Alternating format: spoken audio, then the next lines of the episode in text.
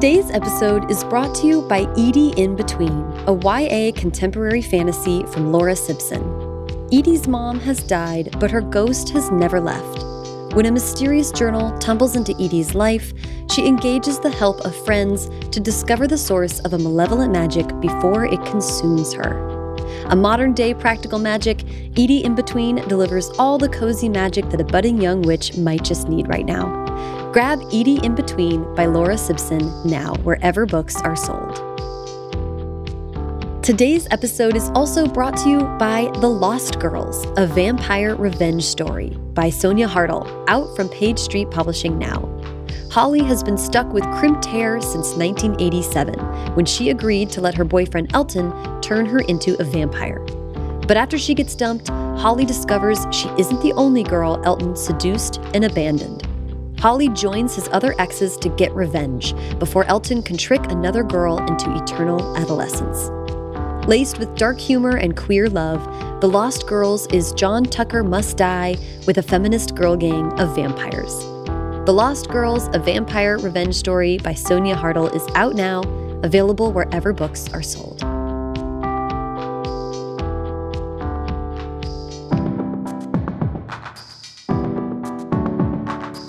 Welcome to First Draft with me, Sarah Enni. This week, I'm talking to Christine Riccio, New York Times bestselling author of Again But Better and Better Together. She's also the creative force behind Poland Bananas Books, her booktube channel, which has more than 400,000 subscribers. And Christine is the co host of Booksplosion, the largest YA book club on YouTube. I really enjoyed this conversation with Christine. I love what she had to say about her journey to finding a book loving community on the internet, on the really tricky navigation from internet creator to author in her own right, on discovering therapy post debut, and on writing about dark subjects with a light tone. That's trickier than it seems. If you enjoy First Draft, there are a lot of ways you can help support the show. First and foremost and easiest, subscribe to the podcast wherever you're listening now and take a minute to leave a rating and review on Apple Podcasts. I really appreciate every rating, but reviews I get to read in the end credits. So if you take an extra moment to leave a review, you could hear your name at the end of an episode. You can donate to First Draft directly on a one-time or recurring basis on PayPal. It's at paypal.me slash firstdraftpod. Every cent goes towards producing this independent podcast, which will always be free.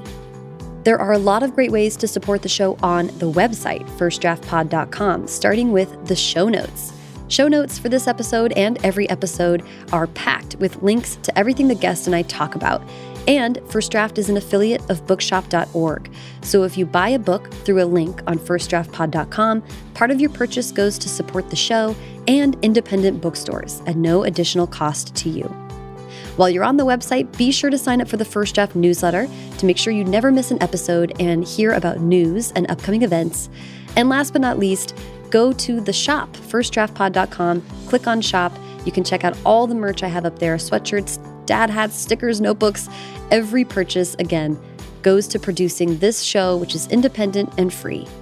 Okay, now, please sit back, relax, and enjoy my conversation with Christine Riccio. Hi, Christine. How are you doing this morning? Hi, I'm good. How are you doing? Good. I'm doing so well. I am so excited to talk today. We got to talk for the Track Changes mini series where you shared a lot of your perspective on book marketing and talking about how people can interact with bookstagrammers and booktubers and what that experience is like. But today we get to talk about you as an author, which I am so excited about.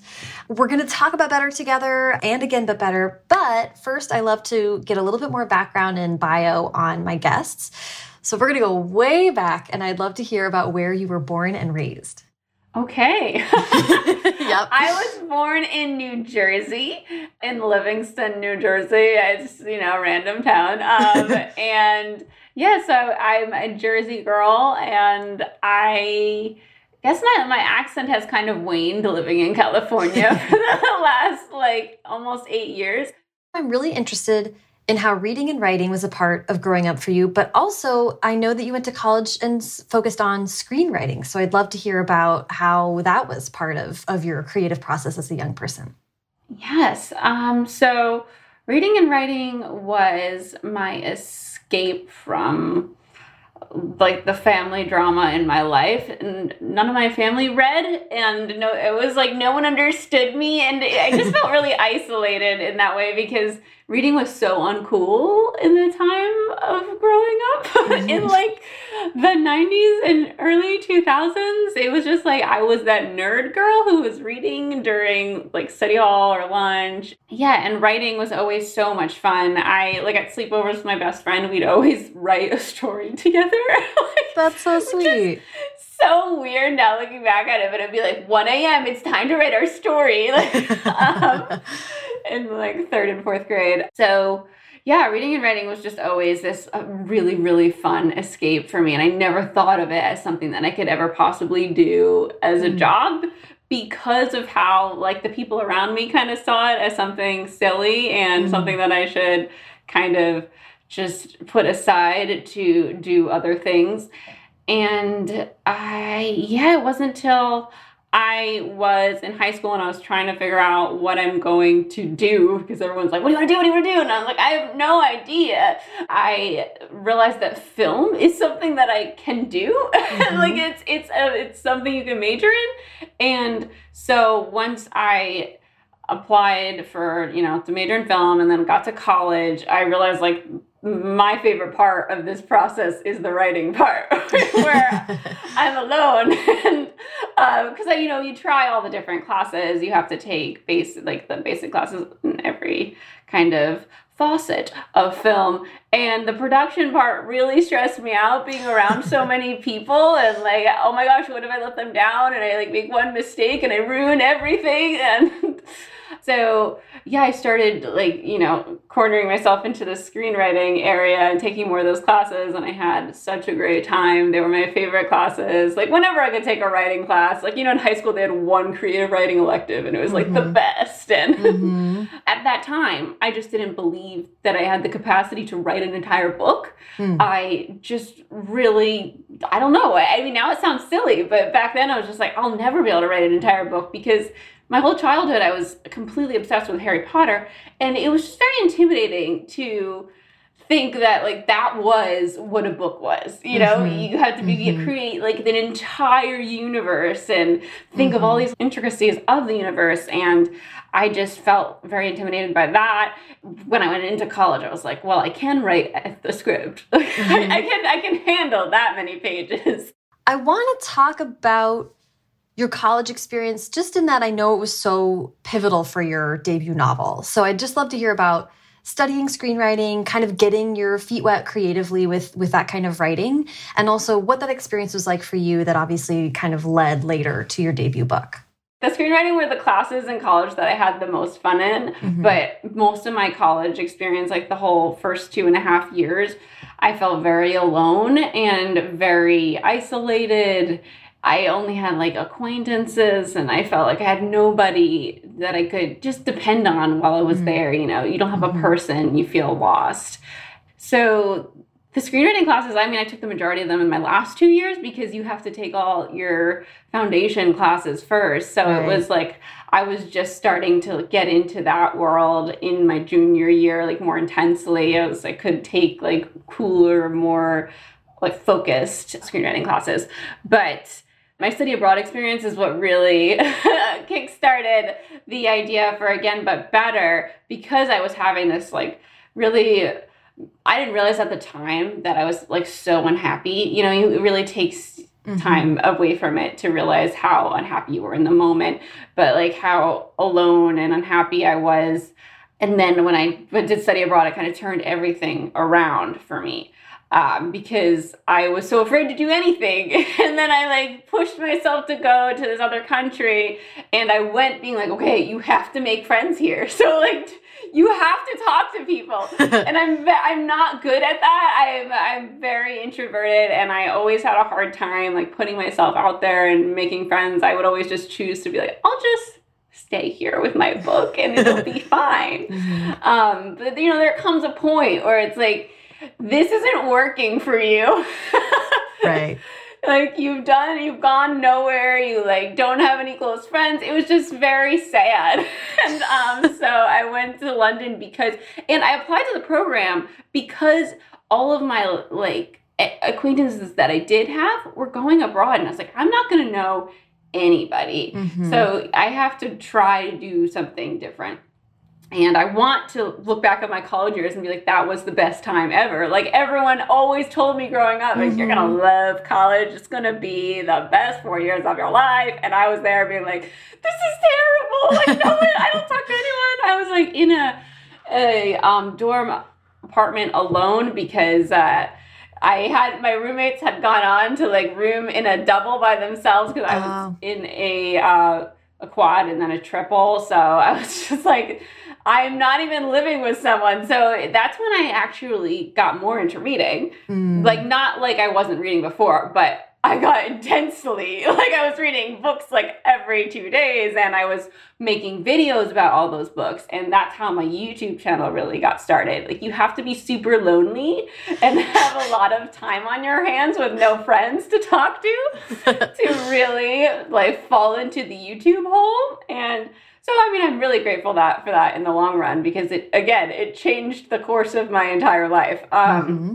mm-hmm. but yeah, and then I went abroad and I also that's when I started being able to post weekly on my YouTube channel mm-hmm. because mm-hmm. I felt like I had something to talk about that was interesting. It was really a time where like my YouTube channel started moving and and I again I made friends and we traveled. You know, you can we did like the college travel thing where you like you know you go on the weekend and you stay in a hostel and mm-hmm. like you see all this different stuff. It was amazing. And then I came home feeling like I could do anything by myself. And having that confidence allows you to do so many different things. It just opens up so many doors. So I like all of a sudden was like, okay, I'll go to this YouTube convention on the other side of the country by myself. Like I'll I'll talk to someone in a chat room and we'll room together. Like it was just my whole worldview flipped around in the best way. And my senior year of college was the best year ever.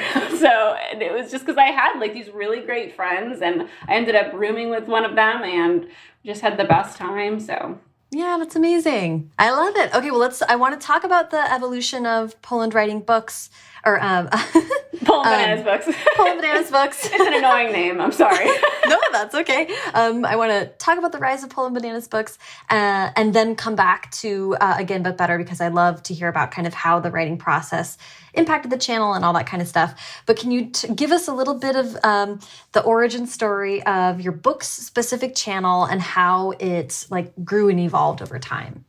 Yeah. So I, am a booktuber originally. Um, and yeah, that book specific channel, I mean, my regular YouTube channel started because I wanted to get into film and I wanted to practice editing and making videos. And I was making like little music videos, but of course I was reading tons of books. I was like, oh my God, I have nobody to talk about these with.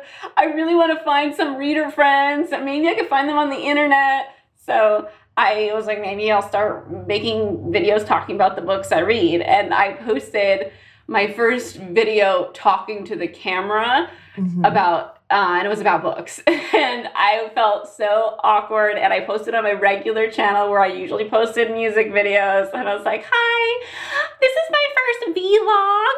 I don't know if you're going to like this, but I like books. It's so awkward.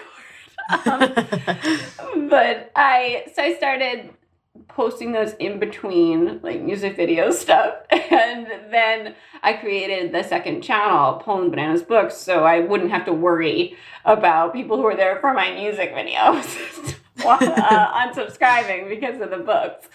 And I would sporadically post on that book channel until I graduated in 2012 and I was working an internship where I did the phones and mm there wasn't much for me to do in between phone calls. So mm-hmm. I was I had my iPad propped up against the computer and I would read and I would finish like a book every 2 days and I would go home and record a video and post it. And that's when that channel really started to flourish because I was mm. reading like at least two books a week. You really have to be posting at that time really consistently um, mm-hmm. for your channel to start moving. And then eventually, I balanced both channels the comedy, the music videos turned into a comedy channel, mm-hmm. and uh, the comedy channel and the book channel for like two years until the book channel surpassed the comedy channel. Mm-hmm. And it's really hard to balance two YouTube channels. And at, at a certain point, I was, I just had to start just using the book channel and I'd post anything on there but yeah, it's again, it opened this huge community of people who loved reading to into my world and it changed my life for the better in so many ways. And yeah i mean i always knew i wanted to be a writer but it was a question it was like at, when you graduate college and you're like i want to write a book it, you can't just do that because you need to make money. Right right right. Yeah. Um, and you, you, there's no guarantee that your book's going to go anywhere. And since my youtube was growing at that time that i graduated i was like mm-hmm. okay let me try to turn this into my job. Mm-hmm. And then maybe I can do that while I write. And then I will have some sort of platform to share what I make. Mm-hmm. And yeah. yeah, I love that. I do like, I really admire how entrepreneurial you've been with your channel and how you have sort of professionalized it and really were at the forefront of of working with publishers and showing kind of publishing how YouTube could be like a good place for books and, and, a, and a great community for readers. I would love to just hear a little bit about that. We talked about it a bit when we spoke for track changes, but uh, not all of that got to make it to the episode. So I'd love to hear you talk about, you know, the origin of you being like, listen, publishing, like get on this train. Like I'd love to just hear about how you kind of developed that and it really became something that you were committed to and working on full time for many years. I was watching all these other YouTubers, those up and coming YouTubers, work with different companies. And specifically, I there was this Ford Fiesta campaign at the time, which I've now learned was like one of the most successful like, first influencer campaigns. Really? That was, yeah. One of my viewers, I was talking to her and she said that they talked about it in her marketing class wow. and like how successful it was. And I was like, that's so insane to me because wow. they never shared that with us. but so I applied to be a Ford Fiesta agent at the time, and I what you do is like they give you a car for a year and they pay for the gas and you make a video featuring their car using one of their prompts every mm-hmm. month. So I was doing that. I had watched people do that. They had done one round of it before me and there was other sponsorships starting to happen. And I was like, wait a minute, like I'm always making videos about books. I love reading. I should be working with the publishing industry. Like they should utilize us to mm-hmm. help get the word out about new books that we'll like and our audience will like. So Penguin, I think, reached out to me at the end of 2013 about, you know, talking to me and so I was like, oh my gosh, Penguin wants to talk to me. I'm going to put together a presentation about booktube and like pitch us as, you know, as people who can help them promote their books and collaborate in mm-hmm. a way that maybe could, you know, make it so that this channel becomes a job because mm-hmm they're obviously the publishing is obviously the industry to collaborate with. I can't like just get random sponsorships on right, the book right. channel. Um, like people were doing. I was watching other vloggers do. So, uh, yeah, I put together a whole PowerPoint and then I reached out to the like three other publishing companies. I went in for meetings with them and like talked to them about BookTube and how they can collaborate with us. And Booksplosion had our first sponsored book of the month, I think, in May of 2014 and then from there i've been you know i've been part of booksplosion which is the book club that i co-host with Katytastic and Jesse the Reader, and we collaborate with publishing companies all the time. It's really great. Um, it's really fun for us. We get to like talk about a book together, which it gets harder and harder as you get older right. to like read with your friends. And so it's so much fun to be able to do that and to be able to collaborate with publishers. I would love to hear from you. You have done all this work to grow this massive following. You're at like, I think, nearly half a million followers on your personal channel. And you had always been thinking that you would do it as a way to platform your own writing. Were you writing during that during that time, or what brought you back to it? How was um, your creative expression in that way a part of your life then? Um. Well. Okay. I feel like there's so much in that question. I know there really was. Sorry. um, so. I, I was writing like comedy sketches and stuff during that time, like from 2011, where I really started building YouTube, and then to 2014 where I finally had felt like I had built this into a job.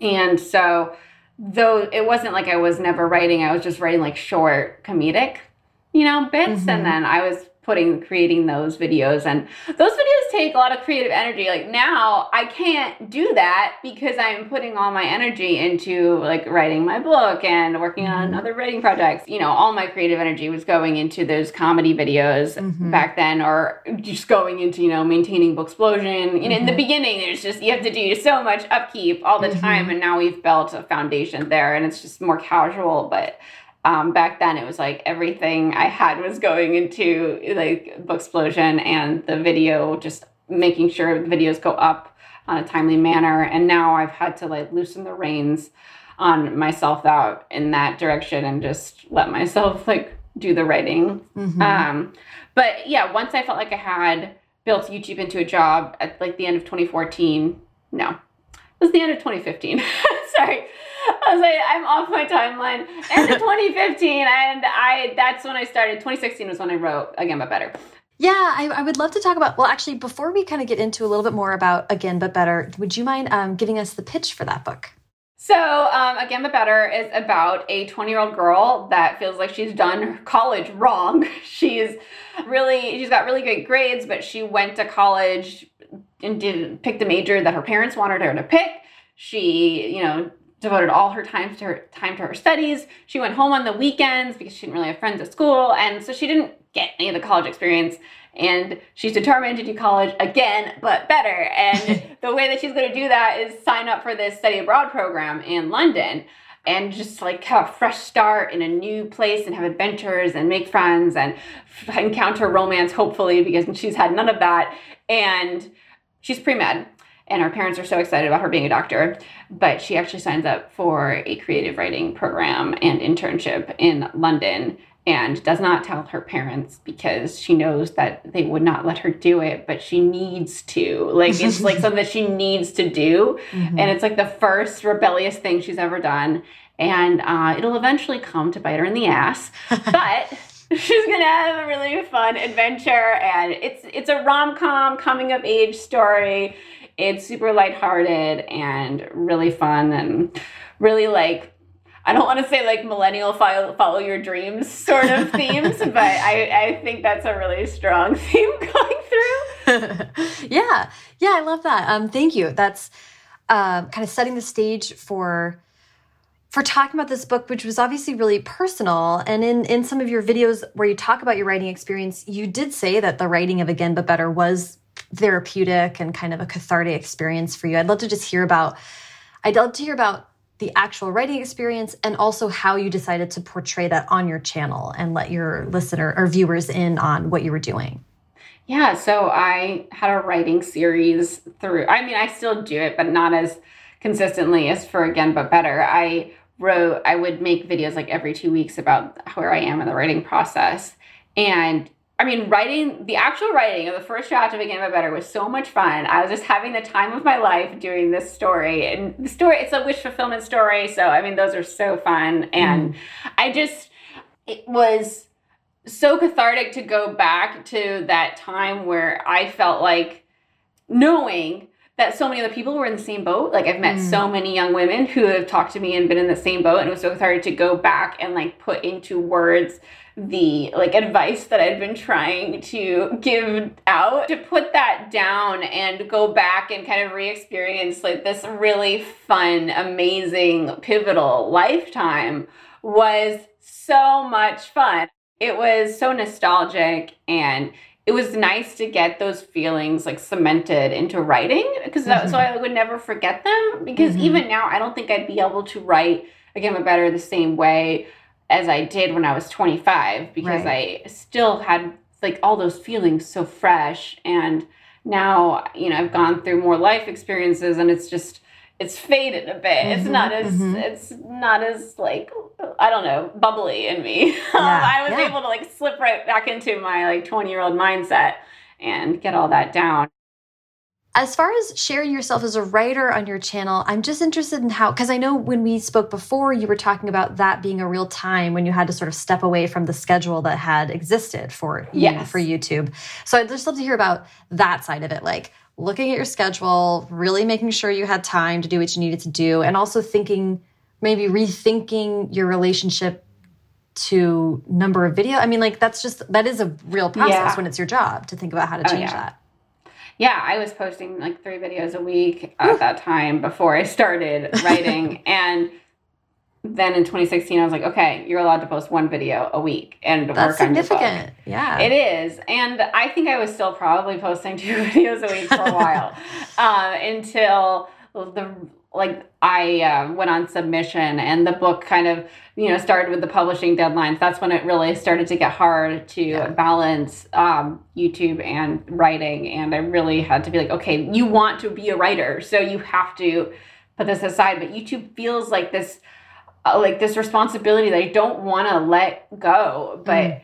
I, I, I have to put it more on the back burner and I, I have to be okay with it even though well, I built I spent so much time building it. It's just right. And and the part of the reason why I'm asking is because this is a real significant like I'm I'm aware of like especially at that time I think the algorithm is different now or the incentives are different. I'm not sure you can tell me. Yeah. but at that time you were like going down to one video a week is going to significantly impact your channel and could yes. put to some extent at risk what you just spent that much time building. So that is a real yeah a real yeah. thing. And it's, you know, honestly, it's unhealthy how focused I was on that algorithm and mm. still feel from time to time. I just like get really caught up in how it's not working for me because I'm not, you know, I'm not actively posting, I'm not actively like concentrating on, you know, meeting its needs. Mm-hmm, so, mm-hmm, right but I have other things going for my me career wise that I want to focus on, and, and, I have to just be okay with mm-hmm. that. And it's mm-hmm. that's one of the hardest things. I'm very very competitive with myself. I hate seeing like any numbers slip, but I'm like, okay, but you're you're putting a lot of effort into something else that's going to like propel you in a different direction that you want to go in. So right. calm the heck down. um, but yeah, but it's I, it's sad.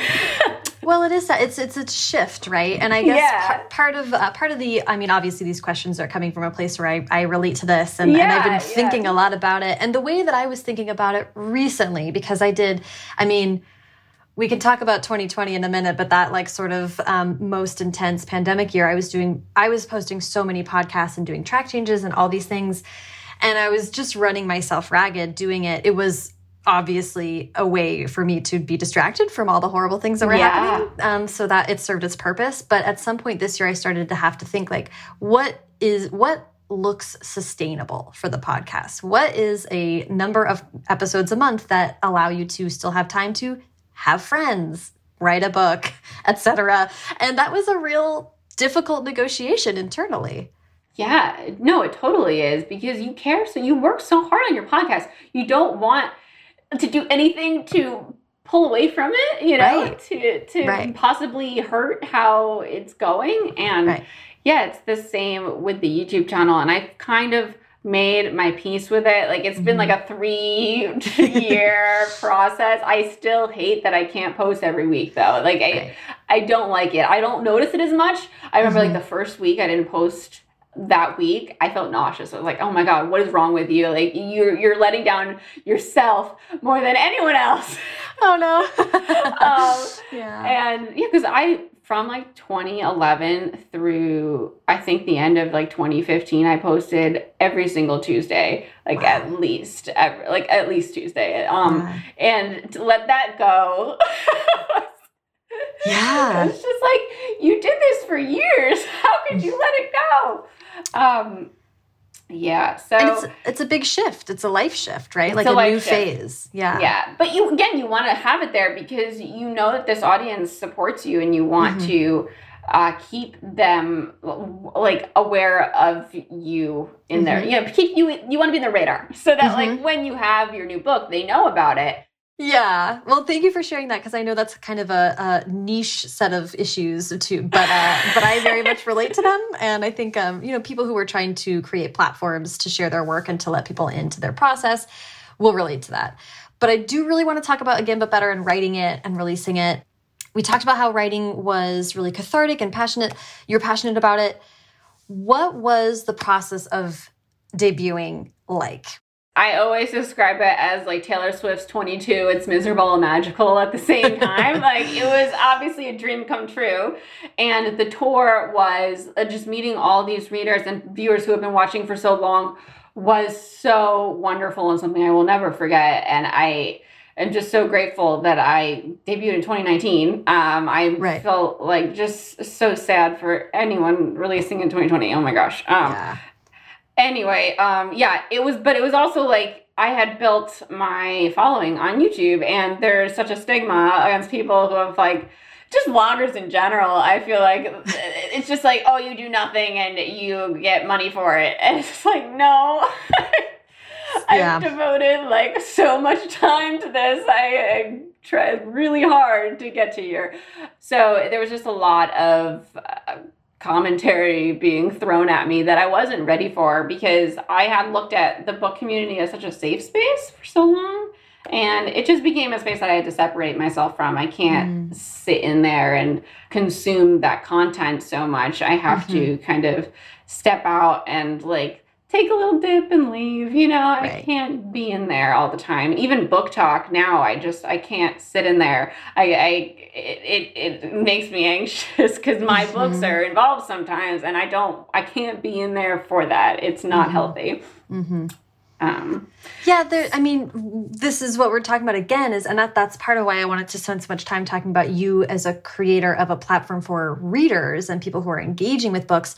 Is that then be, then the transition to being a creator is not easy and comes with these like people have a very strange double standard about that kind of thing and i know you encountered some of that and as did like Sasha Alsberg and these other people who yeah. came from YouTube, the youtube world and actually did it which you would think would be an unmitigated success that everyone would be celebrating but there's some like you go outside of a box that people have put you in and, yes. and are punished for that yeah, they want like people want to be able to categorize you mm-hmm. as YouTuber and like that's it. But I yeah. mean, so if you look at YouTubers people who started when I started were mm-hmm. like 19, 20 years old. So mm-hmm. I mean, mm-hmm. they wanted to do something and YouTube wasn't a known job. Like they right. had other dreams. like, right. Um and to want to like box them into this internet job that they obviously right. like didn't even know was going to be a thing for the rest of their lives. I mean, it's it's ridiculous when you think of it in those terms. Yeah. And there's this idea that because you're a YouTuber, you obviously can't do anything else. Like you obviously aren't good at anything else, and everything you do outside of that is crap. And it's so frustrating because like there's so many people that will go into like again that went into But Better that like and I know because they told me like, and they wanted to like scrutinize it, it, like in a way that you wouldn't do when you just pick up a book you know mm-hmm. you're you don't go into it being like this person's a YouTuber let's see how bad this is sort of right. a thing if you right. go into something with that mindset like it's so negative you're gonna find stuff to tear apart and it's always like so I don't, I don't know what to think when people are like, oh my God, I thought this was going to be terrible, but I, it was so great. I had such a fun time reading it. I'm like, okay, can you not like just tag me in that? it's like, yeah. it's not a compliment. right, right. Like that's, um, that's not hitting the way you think it's hitting. um, um, I, so I would love to hear about transitioning out, like, like, you know, again but better comes out and you sort of begin to look forward and start writing you know thinking about the next book how, how, or or did you change anything about your life or relationship to the internet or or in order to keep doing what you wanted to do yeah, so I started going to therapy because I was so anxious. I got like really sick, like physically. I was making myself sick all the time. So therapy has been so helpful. I'm very pro therapy. I'm very happy to hear that. Yes, yes. And I just, I, again, I can't live in the booktube world as much. You know, it, I've had to separate from that and go elsewhere for, you know, entertainment or mm-hmm. to to feel a community i just i can't be in there um, Mhm, i have to mhm. like look outward in my physical world is more Mhm. and going into Better Together, writing that book, I was going through this massive anxiety wave. So I had set these um, deadlines for myself because Mhm. I knew I had like this big official book deadline for the first draft, unlike Again But Better, where I like had all the time in the world for the first draft. And I didn't hit any of them because I was so crippled by all of this you know i got a lot uh, you know i've got a lot of like positivity but it's the negativity that was on me all the time. I like woke up thinking about it. I, I it was just really took a toll because especially it was because like i thought that this place was a safe place and and then it was it just felt like they turned on me. And, Right. uh, when the book came out i was like oh i thought we were all friends and i don't know i just didn't know how that was going to be and Right. a- again until like more booktube people make the transition to like different jobs and Mhm, i feel mhm. like it'll become less of a thing but since it's new it, it, people obviously are going to have a problem with it that's just the way things Right. work Right. Yeah. Um, you went on the on the forefront of people sort of branching out and, and doing different yeah things. yeah and i feel like i mean it's going to happen more and more like I, youtube now started in 2005 so like so many people who were youths on that space are you know becoming adults and like Mhm. going into different jobs And that's also something that every creative I don't know. I mean, we're sort of in the middle of, of having this conversation in YA specifically right now as well about what does it mean to be on social media all the time and is that really good for your creativity and, and for the brain space that you need as a creative room to just think and, and to ideate, you know? That's not um, exactly aligned with being on Twitter all day. yeah Um, so that's that's very relatable. But let's talk about better together. I really would love to. I mean, I'd love to talk in a minute. I'll have you pitch the book formally, but I'd love to hear about um, when Again But Better came out. Did you already know what was coming next, or how did you? What was the origin story of Better Together? Um, I was, I think, like in January of 2019. So better. I mean, again, but better came out in May. Um, I was started thinking like, what is my second book going to be? And I knew that I really wanted to write about. And like, I, I didn't want to write about divorce, but I wanted to write about characters who had like are around and like living through their parents like really messy divorce and how that like has affected their entire like worldview Mhm. um because i was living through that i'm still like since i was like 21 i've been, Mhm. been like a um my parents have been in this terrible divorce so that's something that like i, wanted to write about because again like i like it, to like the cathartic experience you get when writing is like nothing else it really helps you Yeah. process things Mhm. and also relate to and find people who are going through the same thing and make them feel less alone. Mhm. So I was like, how do I do that in a fun way? um, and I was like rewatching. I don't know if I rewatched The Parent Trap or if that just popped into my head. Oh yeah, I think I was just like thinking about divorce, and I was like, oh Mhm. yeah, wait, The Parent Trap parents are divorced, and Mhm. we don't even talk about the fact that they're divorced, and they just kind of decided to take a kid and leave the other kid with the other parent and never interact with them. Like that's so strange. so wild. It's so weird and um, pretty dark in in the in the parental way. Like that's Mhm. a weird decision uh, that you don't want to talk to your other kid for the rest of their life. Mhm. Um, and so I wanted to run with that idea and um, have the like, what if the the girls were young women and what if they didn't meet until you know they were young adults and how would that change things it might be a little repetitive, but I'm going to ask you to do the formal pitch because you just did a great job of kind of laying out what happens in the book. But if you have the elevator pitch, hit us with it.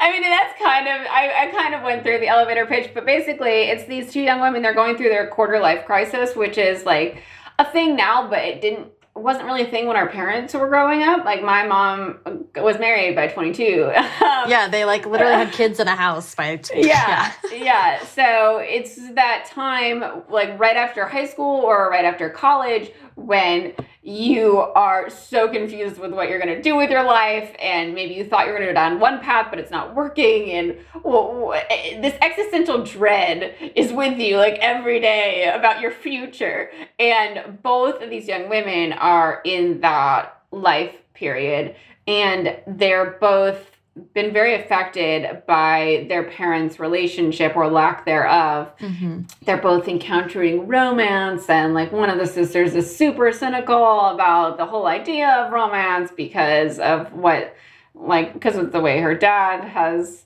lived throughout mm-hmm. her life.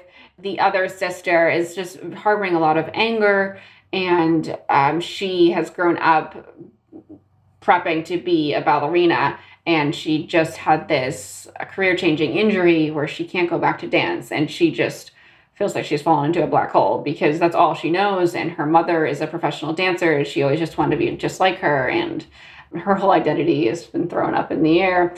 And um, they both end up at this retreat this yoga retreat for it's called like rediscover yourself. Very on the nose. Um, and um, yeah, they run into each other there and things unravel from there. They obviously decide to switch places and um, it's a fun time. Hijinks ensue, yes. Yes. um, I love that. I would love to hear about not only are you writing your follow up book, which is sort of universally a difficult thing to do as you mentioned having deadlines and being anxious and not not necessarily abiding by them but you were also writing it largely during the pandemic, or a, a, large chunk of the writing was happening while we were all sort of experiencing this very anxious time. What was it like to write this book? That sounds like it was really intense. um, yeah, so like I said, I had made my own deadlines. My the publishing deadline was May first, and mm-hmm. I was like, you have to have the first draft done by January so that you can, you know, go through it again and like mm-hmm. hopefully be uh, done with the second draft or even working on a third by the time you hand it in to them. Mm-hmm. And I had like 40,000 words at the end of January. I had 40,000 words at like February 14th. And I was like, okay, you have to finish your first draft by March. So I And your your first drafts are long. They're, they're not too long. yes, they're very long. And so I was like, okay, you have you have 13 days to write a hundred, uh, not a hundred. I think did I say a 100,000 words? I don't know. I gave myself a goal that was like unbelievably a lot. You know, I would think, okay, I think I was trying to hit a 100,000 words. So I was like 60,000 words in mm-hmm. um, 13 days. And then I ended up blowing way past that and I did like 80,000 words in 13 days. Wow. And my first draft or the draft I handed in on May 1st was like 165,000 words. it was insanity. But it all like blew out of me at once and I I kind of I thrive on that sort of like crunch time um, mm-hmm. when I need to, and doing the vlog of it made it more fun and I started the second draft, I think, like the second week of March or something. And of course, that's when the quarantine happened. And I wasn't doing, um, I had stopped there because I was going in person. And when mm-hmm. um, during mm-hmm. that whole month, I got so incredibly anxious. And I didn't even realize it until it was pointed out to me by someone in my life and i was like oh i need to like start doing virtual mm-hmm. mm-hmm. um and it was still just like i i think we were all like just uh, obsessively checking the news i had to like I don't know, put blocks on Twitter and mm-hmm. stuff. But even then, I would, I you need to know because we're so lost with what is this plague and how is it yeah. affecting everyone. Um, yeah, I did. I had just a therapy session recently where I was like going back to like June. It was on my birthday, and I was like a year ago, June 2020. What was it like? And I was like, nope, no thanks. Like, do not want to revisit. Wasn't pleasant. Didn't enjoy. No. Um, what was it like to explore your own personal experience with divorce? What was it like to to explore that through these characters?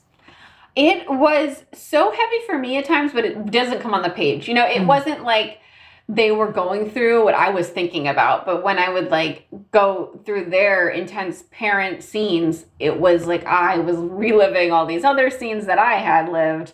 And so it made those really hard. Like I would stop for a bit and I would be like, I have to come back to this because this just feels like a lot. But like I kept thinking that it was going to be like a lot to read. And then I was like, no, this is just like, and my friend who read it first, she was like, Christine, this is really lighthearted and fun. Like, I was like, what are you talking about? I took forever to write this scene because it was so heavy. She was like, no. I was like, this is so much heavier than Again But Better. And she was like, no, I think this might have more hijinks. That's so funny. Um, so yeah, it was it was weird experience in that regard too, because I felt like it was so dark and then mm. it really wasn't. I mean, it obviously is a little darker because just because of the themes and the stuff that mm-hmm. the characters are going through um, are heavier, but it's not like anywhere near where I was worried it was going to feel like because right. I want my books to be like fun escape. Like I want them to be, you know, stuff that makes you laugh and all that. Mm-hmm. Yeah, but but it's I think a good sign for a writer to the, your desire was to have it on the page as lighthearted so that your readers could kind of um, breeze through it in the way that you wanted them to have that reading experience. Yeah. But you have to engage with that material in like an honest way. And that is darker, almost universally, I think, Definitely. darker than. yeah. Oh, of course. Yeah. It just like wasn't dark to the point where you wanted to stop reading. Like I wanted to right. stop writing. That's, right. that's, that's what I was worried about. Because um, I want the readers to feel things and I want them to relate and feel like they have, you know, their experiences are experienced by other people. But yeah, I just didn't want them to be like, this is so upsetting. Bye. Um, sort of a thing. Yeah. Um, yeah. What was it like to do the two points of view? I mean, when I I was watching the vlogs of, of your writing process and saw the numbers and I was like, oh, but she's got two points of view. So in some way I was like, it must have felt like writing two books that were just happening simultaneously. It did. Um, it was, that's why it was so long. I was like, how do people write multiple points of view? I need to like have full arcs for both of these women. I, I, I don't want them to feel like I was slighting any of them. Right. Um, so I think it, it, I mean it really is like two books because they're not together for like the majority. After the first act, they're mm-hmm. having their own journeys and they have their own romance lines and they don't come back together for like till the end of the book. And it was really hard at first i feel like because i felt all this pressure to make sure that they were both like so different. So when you read their chapters you don't ever get confused. But once i learned who they were more and you know got into the second act it was just very fun to have their really different worldviews and to be mm-hmm. in their different heads. Um, it just was taxing all the time. It was like, oh my God, this book is getting too long. It's going to be too long. Oh my God, it's going to be like 200,000 words. I was just the whole time stressing about that because I already knew that I wrote long and now it's 2 mm-hmm. characters.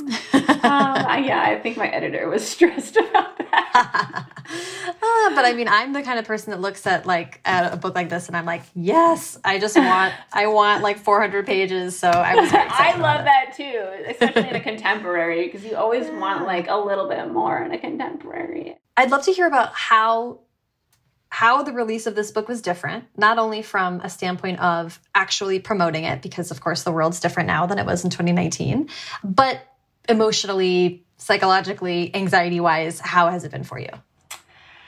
It, the quarantine played a big factor, I feel like, in it. At first, like when January hit and I realized that it's probably going to be a virtual release, I was just, I felt I, I went through this whole like mourning period or I was just so sad. I felt like it wasn't going to reach readers and I just wasn't going to be able to talk to people. Like, I mean, it was such a I, don't like an amazing thrill to be able to go on tour and see mm-hmm. people who had read the book and talk to them about it. And I was just so sad I wasn't going to get to give everyone hugs and I wasn't going to get to chat with everyone and mm-hmm. all that.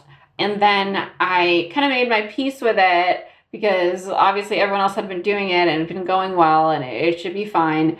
But throughout the release week, it was just I was so much more stressed out because I, which is kind of like the reasons kind of don't feel logical because I just felt like I had no control over like helping promote the book and and at the same time i was like all you should be doing is promoting the book so you mm-hmm. have to do mm-hmm. everything you possibly can online and there's always something more you can do so yeah. you're always kind of feeling like you're not doing enough and like but there's always so much you can do from your house alone mm-hmm. so i really didn't like it i'm hoping that like the next book can be in person i just there's no release from that feeling because there's no time where you're with people. And even when you do your online events, it's like so fun for an hour. And then after that, you're on this high, but there's no Yeah. one to share it with. Yeah. Like, Yeah. there's no people to talk to. You're just like back in Mhm. your apartment feeling like, oh my God, what do I have to do? Should I make another TikTok? Like, should I tweet another thing? Should I retweet like 50 other things? Um, Right, right. Yeah, there's this particular post event energy that doesn't have Yeah. anywhere to go.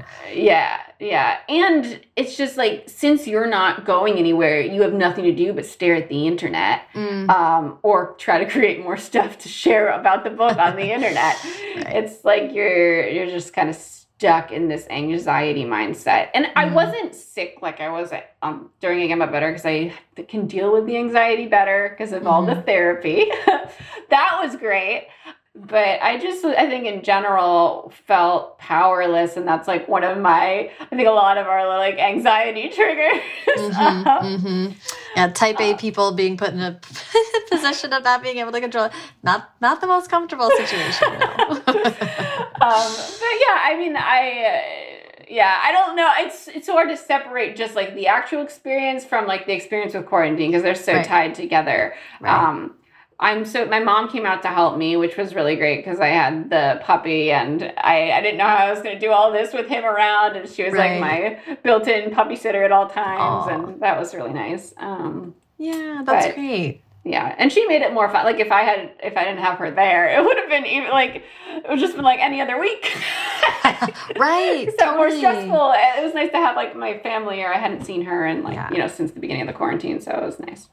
Yeah, yeah, that's that's a good point. Like ways to still make it feel special and distinctive, even Yeah. though we are forced to try, try to keep everyone safe. Um, but there's, you know, you psychologically need to mark that time somehow.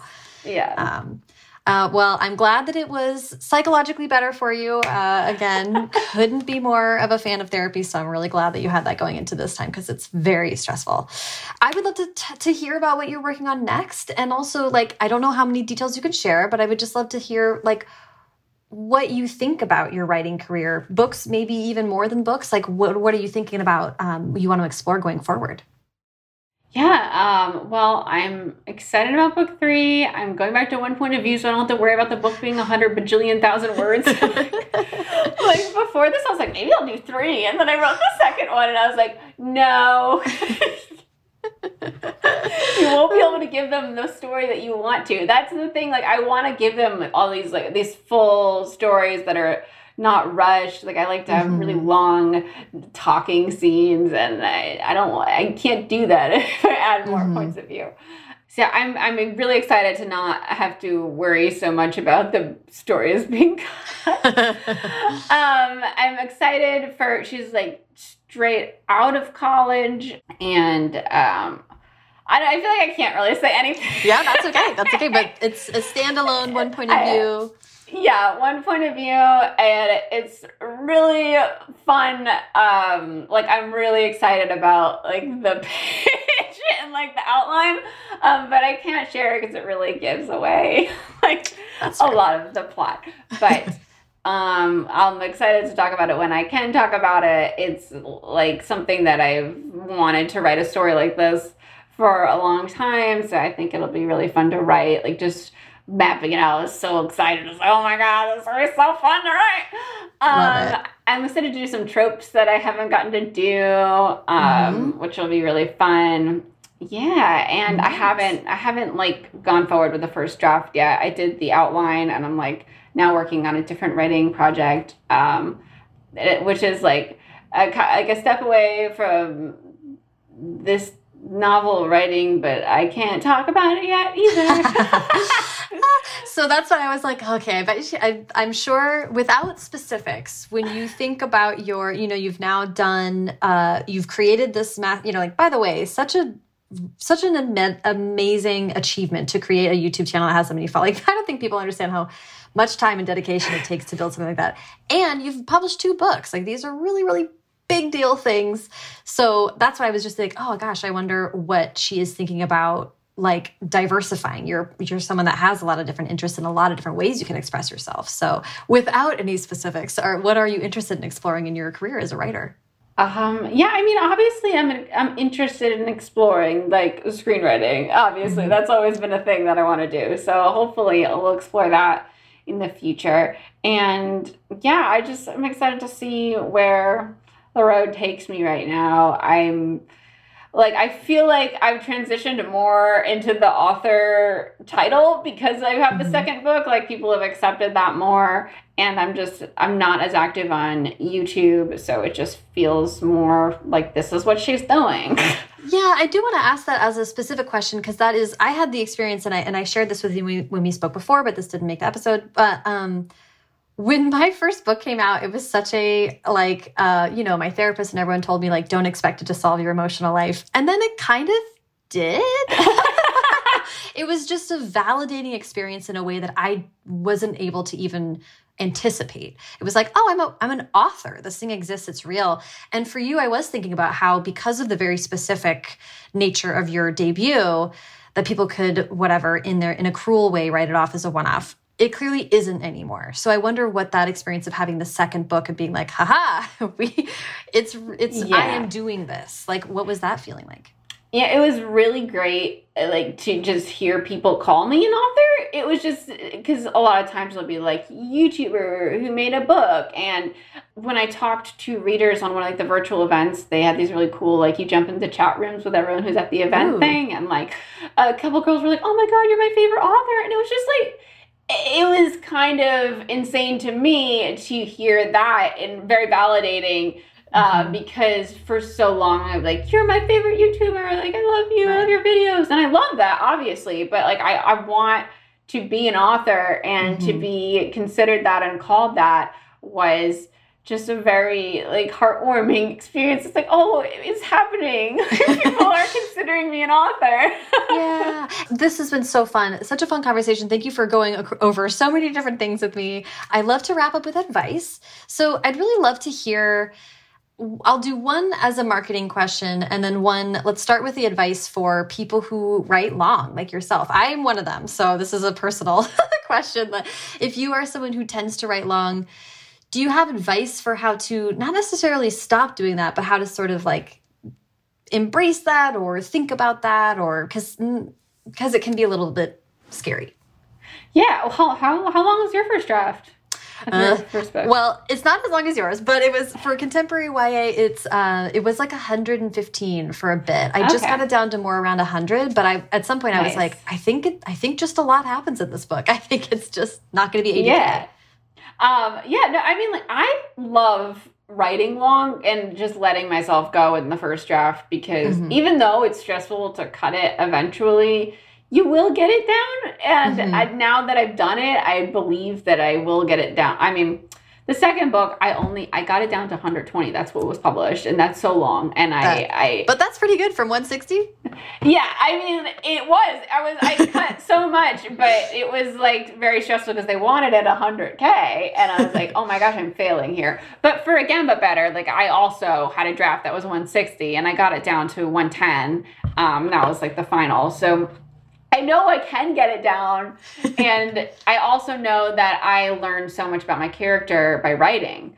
I know in Better Together, like I wrote all these flashback scenes that didn't need to be in the book, but in the first draft, they really helped me, you know, figure out where these characters are, how they react to things, um, mm-hmm. what their trauma comes from. And I think embrace the first draft and do just write as much as you can and like figure it out later. It's I think it's way better to have more than less. Um, if you have a short draft, I don't know how people have short drafts. Honestly, I don't get it. I can't. Like yeah. I can't figure it out. Um, because I really thought with the second book with the outline, I was like, oh yeah, I'm not gonna have that problem this time. Lol. I but I couldn't I just want to underline I I agree exactly with what you're saying. Like I just wrote long and I was like I just need to know. I need to know what happens and whether yeah. or not the reader needs to know all this is for me to determine later. But for now it's like what are what's the backstory? What's their relationship? What kind of dialogue would they have with each other? And then later you can just adjust. Exactly. Yeah. yeah. Um, great. And yeah. then then I would love just advice for someone who is looking to be the public face of their books. Like you have, you and I both have done it a little bit reverse order, but uh, I still yeah. think we have a lot to say about what it means to to be a, an effective marketer of your book, especially on the internet. So I'd love any advice you have for someone who's looking at that for the first time. Yeah, um, that's a big, I, really big question. It's, a, it's another big question um, because it is like so hard to try to be creative and post stuff while you're writing the book. But I think once you have the book written and you're waiting for it to be published, that's the time to really start thinking about how you're going to promote it and like even creating content that you're going to mm-hmm. release closer to the book release and just have fun with it. Like I just I I wanted to start doing TikTok to help promote the book and just like get a following there because that's that's what's growing right now. Mm-hmm. And uh, like the night before the book came out, I learned this dance that I thought was really fun and used that as a TikTok to like tell people what the book was about. I just I it was really like intense learning it and trying to do it in this short period of time. But also it's like one of I'm so proud of that TikTok. like I did it. And I'm really excited about editing it because I got to edit a dance video, but it was for the book. Like do stuff that makes you happy to promote the book. Cause like mm-hmm. yeah, I start watching TikToks that's another thing. Like I, I wasn't even watching them because I would get stuck in a hole watching TikToks mm-hmm. for like mm-hmm. and at least an hour. yeah. And I'm like, I can't do this. I, I'll just get stuck in here. So I'd like let myself have five minutes of TikTok and then go back to work. yeah. Um, but yeah, just I think um, trying to make whatever you're good at or you have fun doing into a way to promote your book in some sort of faucet. Like you could, there's some way that you can make it into a TikTok or something and have fun with what you're doing and be like you're excited about your book so people will see that. Right right. Yeah i love that. That's awesome advice. Um, well christine this has been so fun. Was there anything else you want to make sure we got to before we wrap up today you know, I don't know. I think we covered all the things. Thank you so much for having me. And I'm sorry if I rambled weirdly about anything. It's been a long time since I talked about the book now. I've been in the whirlwind of moving. yeah, no, I know. I so appreciate it. Like I said, tangents are are what we're all about here. So I appreciate it. Um, and thank you for thank you for giving me so much time this morning. I really appreciate it. Of course. Thank you so much to Christine. Follow her on Twitter and Instagram at xtinemay, and follow me on both at Sarah Enni and the show at First Draft Pod. First Draft is produced by me, Sarah Enni. Today's episode was produced and sound designed by Callie Wright. The theme music is by Dan Bailey, and the logo was designed by Colin Keith. Thanks to social media director Jennifer Nkosi and transcriptionist at large Julie Anderson. And as ever, thanks to you, twins swapped at birth, for listening.